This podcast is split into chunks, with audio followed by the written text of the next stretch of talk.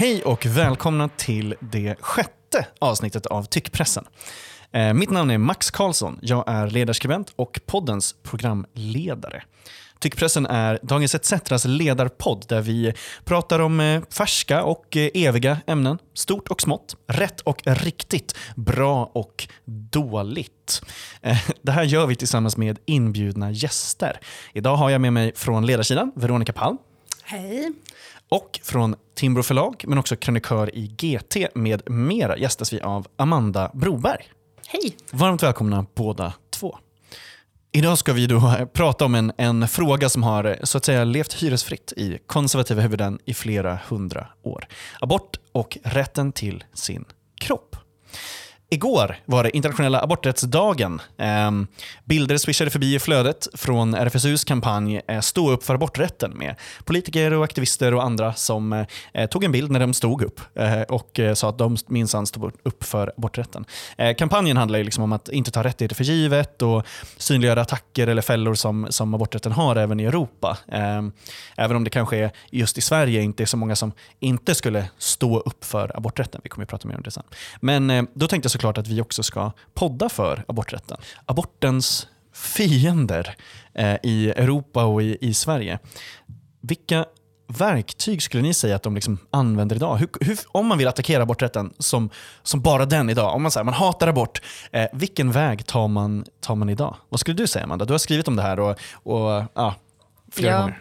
Eh, jag har skrivit en, en hel del om den här frågan och det som jag väl ofta försökt belysa är att ofta när man vill peka ut de som eh, är emot abort idag så vill man liksom peka på partier som kanske innan haft eh, tveksamma ståndpunkter och så. Eh, och jag skulle vilja säga något så kontroversiellt som att hoten mot eh, svenska aborträtt idag finns inte i Sveriges riksdag. Tvärtom så har partierna aldrig varit lika eniga om lagstiftningen som de är idag. Men är det då synonymt med att kvinnor i Sverige har en ovillkorad rätt till abort? Och där är ju svaret tyvärr nej. Mm. Eh, och där tror jag verkligen att man borde prata mer om, jag tyckte det var jättebra att du tog upp eh, just kampanjen som, som RFSU nu lanserade eh, med anledning av den här dagen. För jag tycker den i, det var en Twitter-tråd tror jag, där de hade frågat eh, eh om det var 60 eller 90 kvinnor eh, varför de hade gjort abort och i vilken vecka. Eh, och där så kunde man verkligen liksom se den här breda liksom paletten av skäl och situationer som kvinnor som väljer att göra abort befinner sig i. Eh, och varför det också är viktigt att man förhåller sig neutral till varför en kvinna vill göra abort. Och där tror jag inte alls att uppslutningen, att alla skäl att göra abort skulle vara lika goda, är lika stor som den är bakom den här svenska abortlagstiftningen så att säga. Just det, den stoppfrasen. Jag står upp för svensk abortlagstiftning. Liksom. ja, jag tror jag skrev någon gång att eh, idag så rymmer liksom vi som står bakom svensk abortlagstiftning gänget allt från de som vill utöka aborträtten till de som har ett förflutet i antiabortorganisationer. Och det är kanske inte helt rättvisande. Inte helt klockrent. Vad skulle du säga, vilken form tar eh, abortmotståndarna idag? Vilken väg går de? Vad använder de för verktyg, Veronica? Nej, men de tar ju, det syns, alltså abort är en av de frågor som vi inte har diskuterat i Sverige speciellt länge. Alltså, det började för några år sedan för att vi har tagit den helt självklar. Precis som vi har gjort med liksom, nej till dödsstraff, med en massa andra så här, grundläggande demokrati och mänskliga rättigheter-frågor. Eh, och det gör ju, eftersom det har varit så grundmurat i Sverige, så självklart, så har det heller inte funnits en marknad för den här aggressiva liksom, pro-life-rörelsen. Men det har ju förändrats. Alltså när, när jag blev politiskt aktiv så fanns det ett litet, litet galet gäng i Uppsala som var Ja till livet-aktivister och alla bara skrattade åt dem. Idag så är det ändå, det pumpas ju in pengar och det är liksom de rättegångar som de här barnmorskorna som hävdar att de inte eh, inte arbetsvägrar när de vägrar att utföra delar av sitt, sitt arbete eh, går till rättegång, då, då pumpas det in pengar. Och det har vi inte sett i Sverige tidigare. Så att jag tror att vi, det är ett, ett annat... jag delar Amandas bild av att det liksom den här eh, stoppfrasen för stå bakom svensk abortlagstiftning gör det lite komplicerat. För det ser annorlunda ut och vi är inte riktigt vana vid att att på riktigt ta debatten så att säga. Det är klassiskt. Vi måste våga ta debatten. Mm. Ja, och jag tycker det. För att, jag menar, ett, det finns ett begrepp där som jag tycker så här, har försvunnit rätt mycket från typ annan så här, svensk politisk diskurs eller liksom, diskussioner. Så, men som används jätteflitigt av de här. Då, och det är ju åsiktskorridor. Lever då åsiktskorridoren kvar i det här kanske? Du har ju skrivit lite om det, Amanda? Vad säger ja, du? Alltså jag, jag, började intressera mig för abortfrågan när jag gick Timbro Stureakademin faktiskt. Eh, och det föll sig så att jag sen skrev mitt eh, ja, examensarbete på, på den här akademin om abortdebatten eh, i Sverige. Eh, och intervjuade eh, massa personer från höger till vänster och eh, som också hade olika liksom, eh, synsätt eh, på abortfrågan. Eh, och jag tror att undertiteln blev Utblick från en svensk åsiktskorridor. Så utan att liksom sälla mig till, till vad kanske Neuding har för uppfattning i abortfrågan så tror jag att vi måste vara ärliga med att det här kanske är en ännu existerande åsiktskorridor år och det är det som har möjliggjort det här problemet som jag nämnde innan. Det vill säga att man bara kan gömma sig bakom att man står bakom lagstiftningen. För just eftersom det har funnits så, starka krav, om man tar liksom allt från då Sara Havnås i KD till exempel till Lars Adaktusson då, eh, två år innan i EU-valet 2019 då kunde de ju värja sig mot de här dreven och de här kritiska frågorna om hur deras liksom, tolerans för abort egentligen var, bara genom att säga att de stod bakom lagstiftningen. Och den likriktningen, den är liksom möjliggjord av en sån åsiktskorridor. Eh, och den kommer, precis som andra åsiktskorridorer också, kunna liksom bidra till att de som har en något avvikande uppfattning kan odla liksom någon slags martyrroll. Och jag tror inte det är bra. Vi behöver liksom en, en mer mångfacetterad diskussion om abort och det hade också varit bättre för alla inblandade om även de som var kritiska mot abort eller moraliserande kring det eller ville begränsa aborträtten faktiskt var ärliga med det. Då hade man kunnat argumentera på ett bättre sätt och man hade också kunnat liksom dra fram det verkligt tunga argumentet som är att oavsett vad du tycker så kommer jag få göra vad, vad jag vill med min kropp enligt liksom en, en bra och neutral lagstiftning. Eh, och det tycker jag är viktigt att komma ihåg. Jag tycker att du har jättebra poänger i det där. Och jag ska nämna det med, med eh, Sara Havrenas var ju, um, eh, ja, men ordförande, hon är ordförande för eh, Kristdemokratiska kvinnoförbundet, KD Kvinnor. Eh, och eh, var ansvarig internt också för den processen att utforma partiets nya feminism. Alltså, jag vet inte, den skulle komma i vår, kom den? Jag, vet inte, alltså, för hon skulle har leda den processen. Har någon KD-feminismen? Ja, är det frågan? Var, var är KD-feminismen? Var är den någonstans? Nej, men för, hon skulle leda det projektet internt. Och, alltså, den skulle komma i vår, men sen då i, i slutet av januari så kom ju då DNs granskade artiklar om mm. eh, hennes bakgrund i eh, antiabortorganisationen Människovärde. Eh, fram till våren 2019 så satt hon i styrelsen för den här och hon har också föreläst själv om samvetsfrihet. Hon kunde ju försvara det här med att säga, jag har aldrig velat förbjuda abort. Inte jag, jag är emot abort eller så. Eh, och då kunde liksom fortsätta. Men partiet tog ju liksom, eh, återigen då, star- Kristdemokraterna som parti säger att de återigen tog starkt eh, liksom avstånd från abortkritiken i partiet. Samtidigt som eh, ledande företrädare som är abortkritiska kan vara kvar. Mm. Det, det, det, finns ja. ett, bara, det, det finns ett problem där med den här, alltså, jag har aldrig velat förbjuda. För det tror jag att då kan man säkert säga att men Texas har inte förbjudit. Det är ju tillåtet med abort innan sjätte veckan. eh, så jag har inte velat förbjuda abort, eller jag vill inte. Men jag, jag tänker på det som Amanda sa, det här, det är ju, jag delar egentligen din uppfattning om att det behövs, alltså vi behöver lära oss att diskutera, vi behöver liksom, eh, stöta och blöta, vi behöver våga liksom, bryta åsikter. Egentligen delar jag det. Men, men. men jag är ju sosse. Nej, men jag, alltså det finns ett, jag tycker också det finns någonting fint med det här konsensus. Alltså, eh, att hitta de liksom breda... Det är en bredd som står bakom en lagstiftning. Man har lite olika bevekelsegrunder, men i grunden så är vi en...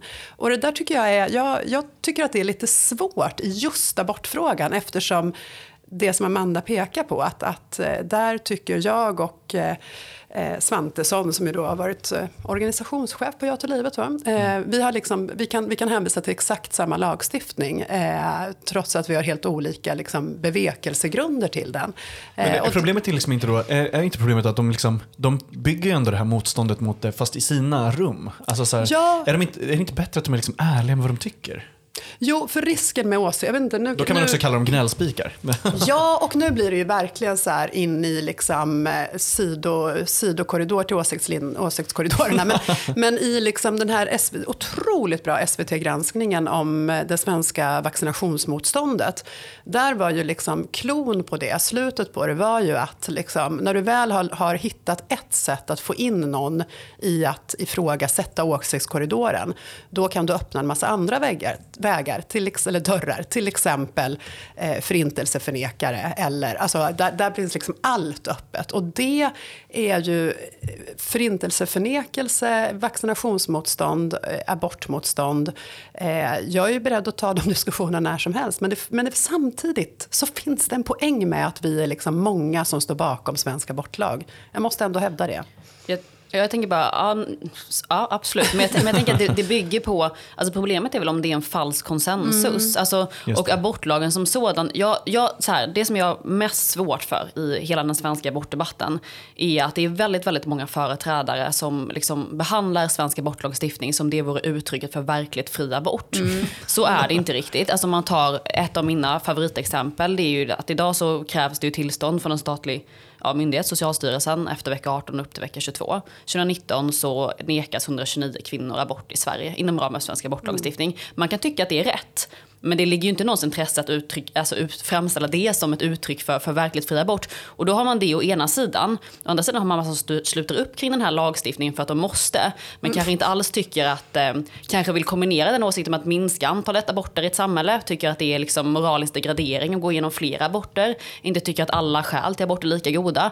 Jag vet inte, jag som ändå liksom, jag ser mig själv lite som en förkämpe för, för aborträtten, jag vet inte om jag vill ha dem på mitt lag. Liksom. Mm. Då hade jag heller, liksom, och, och, då menar inte jag liksom, de som står på plattan och visar bilder på foster, utan då menar jag människor som är så här, Bianca Ingrosso, inte hon en lite dålig förebild för att hon har genomgått flera aborter? Det mm. tror jag är en ganska vanligt förekommande åsikt som går ut med att kombinera med att man då står bakom lagstiftningen. Men jag vill ha en liksom ärligare diskussion. Vad står vi egentligen när det kommer till alltså, attityderna mm. i abortfrågan?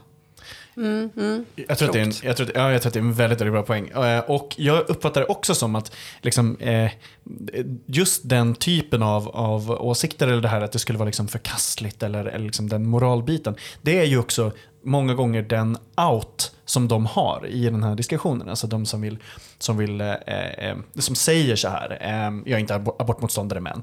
Eh, och där finns det faktiskt, det finns en hel del sådana Eh, eh, eh, bitar. Jag skulle vilja, eh, alltså många är sådana här, eh, ja men man måste väl ändå tänka på eh, grejer. Och jag ska läsa ett sådant exempel här.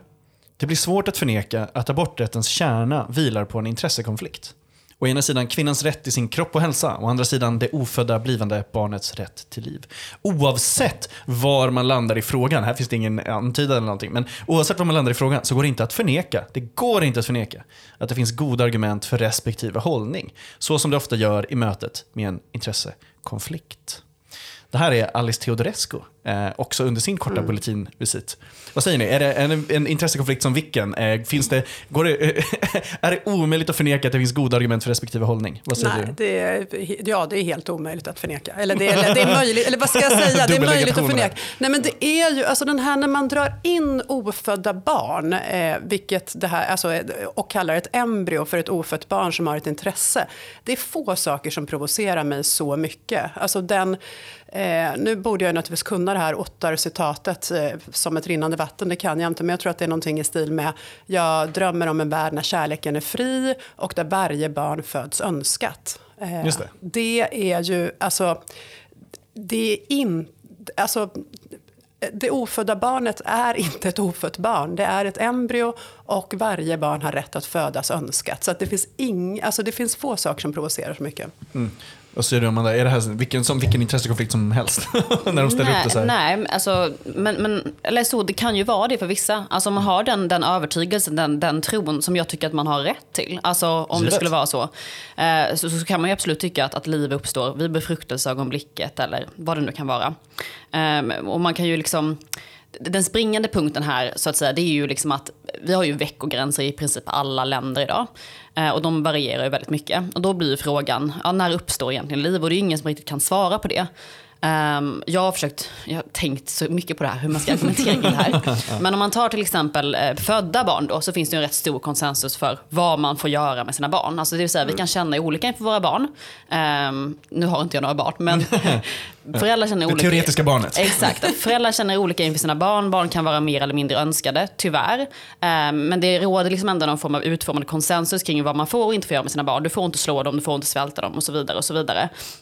När det kommer till eh, ofödda barn, foster, vad man nu säger, det är ju också liksom en juridisk definition. Alltså i vecka 22 blir ett ofött mm. barn ett barn enligt svensk lag. Eh, och, och, där finns inte den konsensusen på samma sätt. Alltså, och det är ju därför liksom veckogränser är ju alltid normativa avväganden från de som för tillfället lagstiftar. Och det tycker inte jag man ska glömma. Alltså mm. man kan ha som i våra grannländer abort upp till vecka 12. Jag tror att det finns många så moderna graviditetsappar. Jag använder det här eh, exemplet i ett, ett, kapitel jag har skrivit i en antologi som heter Stopp min kropp som kommer ut i, i november på Timbro förlag. Tips. Eh, och eh, i många moderna graviditetsappar så, så jämför man liksom fostret vecka för vecka med ett ting. Ofta är det en frukt eller så för att mm. illustrera dess storlek. och då kan man, men då kan man konstatera så här, och vi säger att, att jag är några år äldre eh, och jag och min partner ehm, har skaffat barn, ehm, jag blir gravid. Då hade jag antagligen, om det här var önskat och planerat, planerat känt från, från det att fostret var liksom the size of a sesamfrö. Mm. Det här är något jag vill skydda, det här är någonting mm. jag älskar. Eh, hade jag blivit oönskat, oplanerat gravid hade kanske upp till långt in i graviditeten känts som en helt obegriplig cellklump. Alltså, när liksom folk som när olika debattörer pratar om livsduglighet som liksom den här vägledande principen så glömmer de att vi varje dag förhåller oss på ett ganska radikalt annorlunda sätt till den här livsdugligheten. Alltså vi ser det mycket mer relativistiskt i vardagen. Och det, och det är liksom inte ett, alltså, det är inte ett argument mot människovärde eller så. Det handlar ju helt enkelt bara om att lagstiftningen måste vara neutral. Beslutet måste ägas av den berörda kvinnan för det är den enda rimliga ståndpunkten i liksom förhållande till hur vi hela tiden beter oss och förhåller oss till de här begreppen. Men livsdugligheten kan väl inte... Alltså den kan, alltså ingen kan väl hävda att ett, att ett embryo är livsdugligt när det är valnötsstort?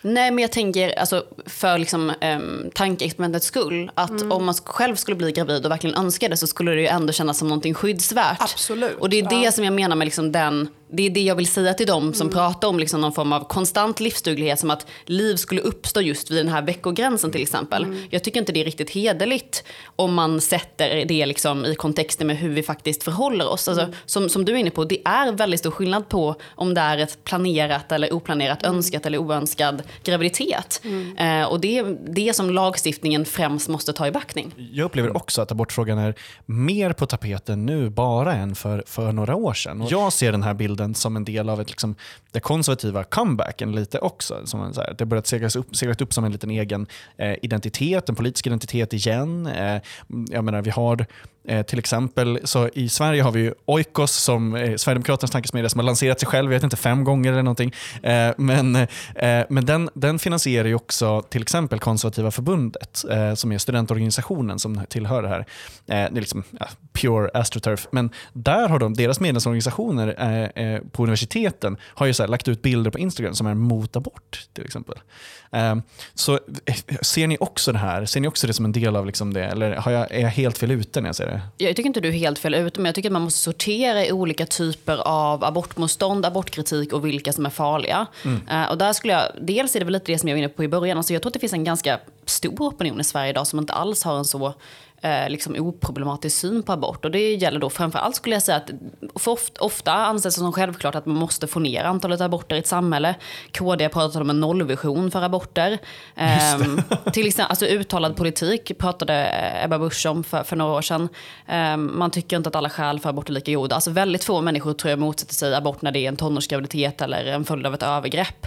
Men om det är liksom då, äh, jag, var, jag var slarvig några gånger liksom, med preventivmedel, då är inte liksom tolerans lika stor. Det tror jag är ett ganska farligt abortmotstånd. Sen tror jag att det finns en annan typ, och, och där tror jag det du är inne på, om man ska ta, jag har funderat mycket på det här, om man ska ta just Teodorescu som, som ett exempel. Alltså, finns det inte kanske lite en bieffekt av att ha varit så eh, pionjärerna är de som bröt ur åsiktskorridoren. Alltså man får lite blodad tand. Oh, jo, absolut. absolut. Det tror jag är liksom någonting med, och, och det är inte bara, migrationsfrågan är ju liksom kanske tydligaste exemplet, men där tycker jag att men, Ivar Arpi är väl ett jättebra exempel. Och han har väl, jag tycker inte, jag, tycker, jag vill liksom inte bara enbart kritisera honom så, för jag tycker nej, att han, okay. han har ofta kommit med, med liksom spännande... Det kan jag göra. ja, exakt, det får du stå för. Men, men, men, men, han har ju ofta liksom varit, varit först på bollen i olika saker och oavsett vad man tycker om vad han har landat i, liksom allt från då, ja men han har också skrivit om, om den här påstådda målkonflikten i abortfrågan, men också genusvetenskapen som du tar upp till exempel. Jag tror att eh, man som debattör förstår att det nog är ganska fruktbart och lite spännande kanske. Eh, och då vet jag inte så mycket hur mycket handlar de här killarna då i konservativa förbundet, hur mycket handlar det om att de liksom har satt sig in i abortfrågan, hur mycket handlar det om att de, vad var det Julian Kron sa, att han ville vara punk? Alltså, ja, ja, verkligen. I, Och- I en ny ja. konservativ kontext. Och det tycker jag bara är, det tycker jag bara är, det är tramsigt och, och det är inte bra. Men, men jag tror inte det är det som hotar svensk aborträtt överhuvudtaget. Men är inte då det farligt? Är det inte liksom farligt att det ses som en popgrej att det tas upp mer så av de här liksom, killarna? För, är- de är, många av de här är ju framtidens politiker. Liksom. Är de Är verkligen, de det? verkligen det? Ja, det hoppas vi inte. Alltså flera av dem är ju politiker redan. Och jag menar, om du nu pratar du förbundsordförande för konservativa förbundet. Han är ju både förtroendevald och anställd av Sverigedemokraterna. Ja, men det- blir så lätt om man har fokus på, på SD-frågan här. Ja, ja, och det är mycket, mycket så att man har använt liksom abortfrågan tycker jag ibland, också från vänsterhåll om jag får vara lite sån, som ett politiskt slagträd. Där man liksom har, har man, man har gått på, liksom, när, när det är Björn Söder som har sagt så jättedumma saker om abort, så, så väljer man att vinkla det mot Ulf Kristersson. Och alla vet att liksom, det, det är inte så att det finns något livskraftigt abortmotstånd i Moderaterna, har aldrig funnits. Tvärtom har de lagt fram, lagt fram ett förslag om att till exempel införa regelrätta hemaborter och en tidsgaranti som jag var med och började introducera lite i en svensk kontext för några månader sedan och skrev en rapport om. Ehm, och det tycker jag är jättebra liksom, steg på vägen och så. När det kommer till SD och eventuellt liksom, abortmotstånd där, eller KD för den delen, så tror jag att de vet att de kommer aldrig få alltså, en bit av det. Alltså, det är det sista som de kommer röra. Just för att man liksom, så tydligt vet att det finns en så stark opinion mot det och för att det är liksom, ett av de yttersta skräckexemplen verkligen på vad de skulle kunna få inflytande över. Och då blir det ju Polen och Ungern-grejen direkt. Liksom, för att då fattar de Ja, att och, det där, kan och liknas just, med det mer. just därför är jag inte orolig för just, det abortmotståndet. Jag tror att det finns alltså, mycket mer liksom, eh, kommer få rumsrent eh, abortmotstånd, abortkritik ska jag säga, för det är kanske mer, mer rättvisande som, som ord, men som är liksom be- betydligt mer hotfullt då mot, och då pratar jag inte om aborträtt eller abortlagen, utan jag pratar om kvinnors upplevelse, kvinnors eh, liksom, rätt att göra abort också liksom, socialt eh, och, och med de normer som det omgärdas av. Just det. Fast- Vad säger du? Vad, Ja, jag Veronica? tror- är den hotad av, på Ja, samma jag sätt? tror ändå att du gör det lite enkelt. Alltså, för det är ju någonstans, alltså, vad var det tio år sedan som vi var, pratade om så här, the end of history, nu har liksom liberalismen segrat, eh, eller 10, 15, ja. Det var, det var 89, 30 år sedan. Så, Är det 30 år sedan? Ja, det är det. Skämtar du? Ja, okej, 31 till och med. jättelänge sedan. Eh, och sen har vi ju levt i den tron att det liksom, nu bara liberalismen vinner större och större eh, mark eh, och sen så har det varit lite problem i delar av världen där vi inte har lyckats bomba fram vår, vår form av demokrati så då har det varit lite problematiskt. Men i grunden har det varit vår syn. Och så senaste tiden så har vi sett att de nya demokratierna i Östeuropa har inte riktigt anammat det här. Eh, den extrema högern har blivit den normala högern i, i USA.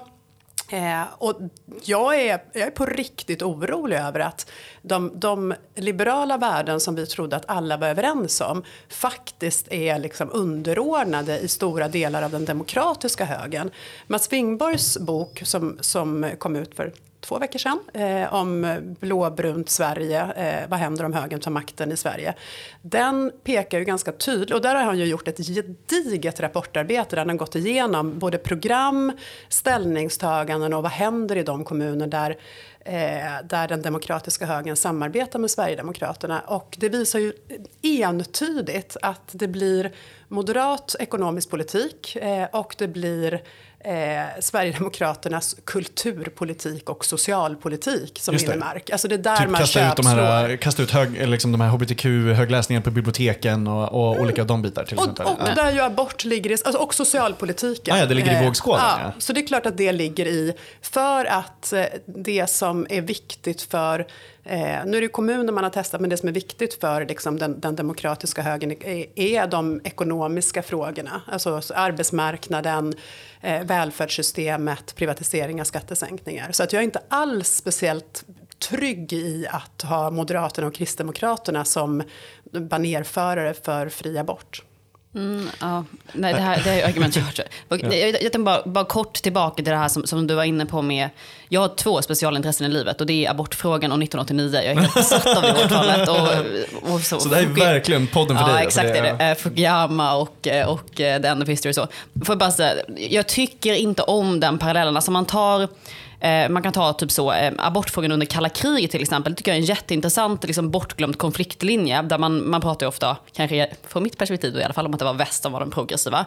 Men det var ju inte så när det kom till, till abort till exempel. Utan där var det eh, Sovjetunionen som redan på 30-talet införde fri abort. För att sen dra tillbaka det. Så man, man ska liksom bakom järnridån så var de också väldigt flexibla när det kom till kvinnors rättigheter. Det finns helt fruktansvärda Vad exempel. menar du? Det finns ett fruktansvärt exempel från Rumänien till Jo, exempel. exakt. Eh, Där man införde olika dekret som liksom gjorde att, att eh, ja, kvinnor dog liksom på grund av illegala aborter och så.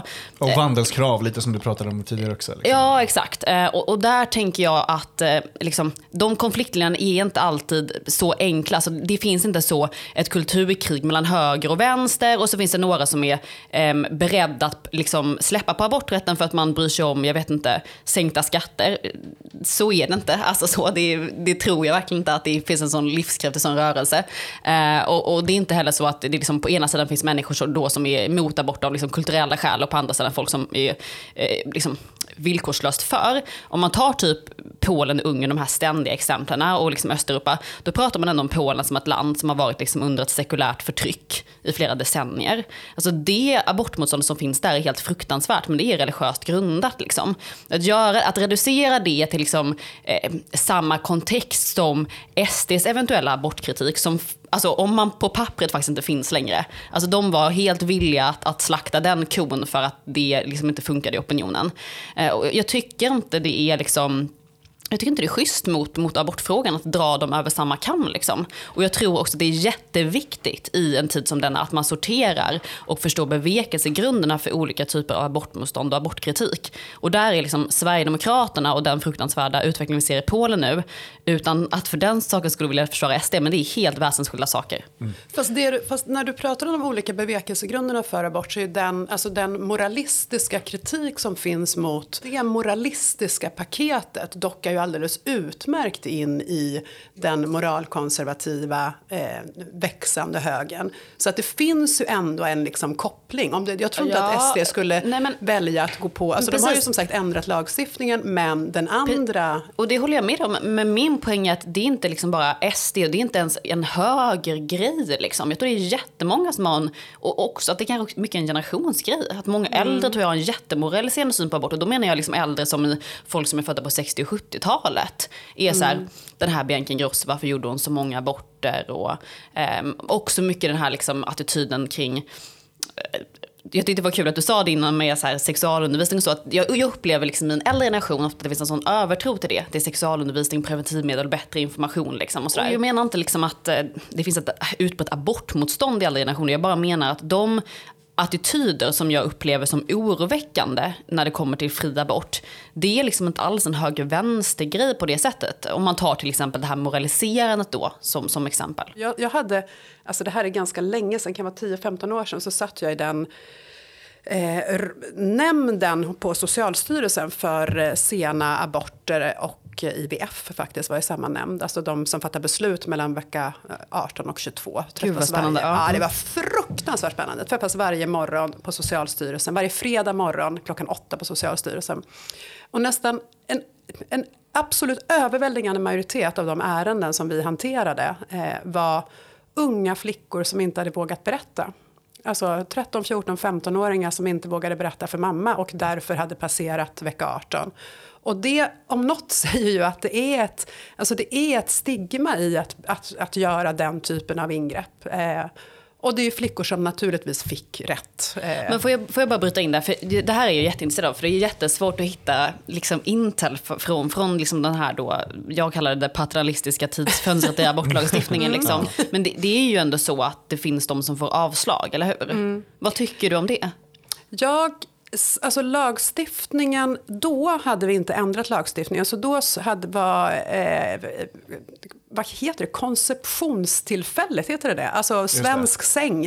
Eh, alltså hade, man, hade barnet tillverkats utanför Sverige så fick inte vi ge eh, abort, alltså ge godkännande för abort. Det var Det är helt olagligt. Det är ju helt sinnessjukt. Ja, Det nu, är det, nu är lagen Ja. ändrad, men det är helt sinnessjukt. Det här är det sjukaste jag har hört. Eh, nå- någonstans finns det en, en, någonstans finns det liksom en så här super, super sverigedemokrat som bara, det här, någon gång kan vi återlansera det där. Någon gång, svensk säng. Vi skulle aldrig sagt någonting. Nej, verkligen. Alltså det här, när vi säger att vi har fri abort fram till vecka 18 så är det helt sant. För den- mellan vecka 18 och vecka 22 så krävs det synnerliga skäl. Jag förundras över att ingen har tagit upp det mer. Alltså, Det är ändå ett antal kvinnor varje år som, som får avslag. Liksom. Jag tror bara en sak som vi inte har berört, som jag vill att vi ska nämna det, är ju inte... Begränsningar i abortlagstiftningen leder ju inte till färre aborter. Det leder till eh, osäkra, olagliga Precis. aborter och död. Det bör ändå sägas. Det är till och med så att aborttalen både stiger och liksom är högre i många länder. Det är klart att där spelar preventivmedel Mm. och sånt där in, liksom, men de är ofta högre liksom, i länder med restriktiva abortlagar. Mm. Jag vill återigen slå ett slag för ja, men det som, som Amanda har skrivit om, om abort. För att jag tycker att du har gjort viktiga poänger om så här, ja, men de som vill ha ännu mer liberal abortlagstiftning. Och liksom, vad kan de göra och vad kan de tycka och säga i, i de här diskussionerna? Och hur man kan punktera till exempel diskussionerna om samvetsfrihet. och så. Vad, vad tror ni kommer hända därnäst och vad borde de som vill ha fri abort göra? Amanda, du får börja. Eh, Jag tror att de, alltså jag skrivit, det är det här typ jag har försökt bena ut i mitt kapitel då, i den här antologin. Eh, både liksom de olika skiljelinjerna. Jag har ställt upp ett sånt liksom lackmustest, typ så. Spelar antalet aborter i samhället någon roll? Eh, spelar skälen någon roll? Bara man svarar nej på båda så är man för ovillkorad abort. Så det tycker jag är en bra så uppställning som man kan använda som ett lackmustest. Och det borde man göra mer liksom, kring, kring normer i debatten. Om man tar de frågorna som kommer segla upp framöver. Det kommer vara eh, Teodorescu, och Arpi och gänget som kommer fortsätta prata om den här målkonflikten. Och det kan man se, det var en SME-rapport eh, som kom 2017 där man tog upp eh, förslaget om att använda feticid vid sena aborter, det vill säga att man injicerar ett, ett, ett läkemedel i, i fostret som gör att eh, hjärtverksamheten upphör innan själva aborten. Det tror jag kommer bli en stor stridsfråga framöver för att man vet att medicinsk-etiska framsteg liksom pockar på aborträtten. Och förr eller senare så kommer man liksom ställas inför att man, man kommer behöva sänka veckogränsen eller låta den vila på andra principer. Jag tycker att man ska blicka mot länder som till exempel Kanada som inte har någon övre veckogräns. Eh, en annan intressant sak är det här med skäl för abort. Vi pratade innan om mellan vecka 18 och vecka 22. Jag läste liksom att här, inte ens i, i Holland där man får så röka gräs och sälja sex så är liksom abort för liksom varje skäl eh, tillåtet upp till en viss vecka. Så, så det tror jag kommer bli, liksom, ja, eh, dels då ska man hålla gränsen, frågetecken, för att parafrasera så. Eh, och sen så det här med skäl, antal aborter och liksom, ja, vad folk kan göra då för att motarbeta abort även om man så att säga f- förment står bakom lagstiftningen. Vad tror du då Veronica? Vad, vad tror du kommer hända och vad ska de som värnar fri abort göra? Men jag tror, jag tror att det, jag tror det är helt rätt det Amanda säger om att själen kommer börja liksom eh, bli ännu hetare i diskussioner. Men sen tror jag livsdugligheten är ju problematisk. Den kommer ju, den, alltså, tekniken går framåt ehm, eh, men det, alltså var går, vilken apparatur kan liksom upprätthålla ett olivsdugligt foster och vad kan man då räkna det som livsdugligt och därmed ta bort det som är den reella gränsen i Sverige. För att det är ju inte, även om det är före vecka 22 så är det ju inte tillåtet att abortera ett livsdugligt foster. Och det är ju, en, det, är ju det som är så, så bra med den svenska abortlagstiftningen är ju att vi har en liksom, det finns ingen risk eh, som du läste i någon av texterna att det ligger ett, ett liksom, ja, jag vill inte upprepa det för det var så äckligt. eh, utan det är liksom livsdugligheten. Men den, den tror jag kommer också den kommer vara svårare och svårare ju, ju tidigare man kan rädda och ju mer apparatur man kan använda för att upprätthålla det som är ett icke livsdugligt foster utanför livmodern. Jag började följa dig på Twitter Amanda, och jag såg att du, du la upp ett roligt exempel på eh, att eh, Moderaterna kallade mer övervakning för typ, vad var det? Teknik. Tekniklyft. Ja, tekniklyft, exakt. Så det kanske är en sån grej också, att abortmotståndare kommer att anamma, liksom, eh, eh, säga att tekniklyftet gör att det, att det kan funka på ett visst sätt. Och, och så. Men det är ju redan så tycker jag man argumenterar. Att det är en, en grunden positiv utveckling skapar nu en allt mer angelägen målkonflikt. Och det är väldigt uppenbart att de som argumenterar så, de kommer inte ha liksom, att det ska vara kvinnans beslut. De kommer inte ha det som högsta prioritet. Eh, Jag vill säga tack så jättemycket för att ni var med. Och finns det någonting som ni vill, eh, om ni vill säga någon sista grej till eh, de som lyssnar, om ni vill tipsa om någonting eller säga någonting som de inte får missa, vad skulle ni säga då? Vi har nämnt antologin, hur hittar man den Amanda? Antologin den heter Stopp min kropp och det är tio kapitel om olika kroppsliga eh, politiska frågor. Så allt från eh, surrogatmödraskap och rätten att välja kejsarsnitt till eh, abort och dödshjälp. Och den kommer ut 10 november på Timbro förlag. Mycket bra. Gud vad spännande. Verkligen. Vill du, vill du tipsa om någonting eller säga någonting till lyssnarna Amerika? Nej men jag vill läsa den boken. Tror jag jag jag, tror att det, det kan vara första gången i en Dagens ETC-podd som vi tipsar om en antologi Ja, från Timbro förlag. Och som Men vi nog båda bara, ta, eh, ta Ja, det. Vi har inget annat att tipsa om. Nej, Okej, verkligen. prenumerera på ETC och läs ledarsidan. Men förutom Ja, det. ja, ja, ja, självklart, självklart. Gud vad bra, då så. Eh, då var det allt för sjätte avsnittet av Tyckpressen. Ciao!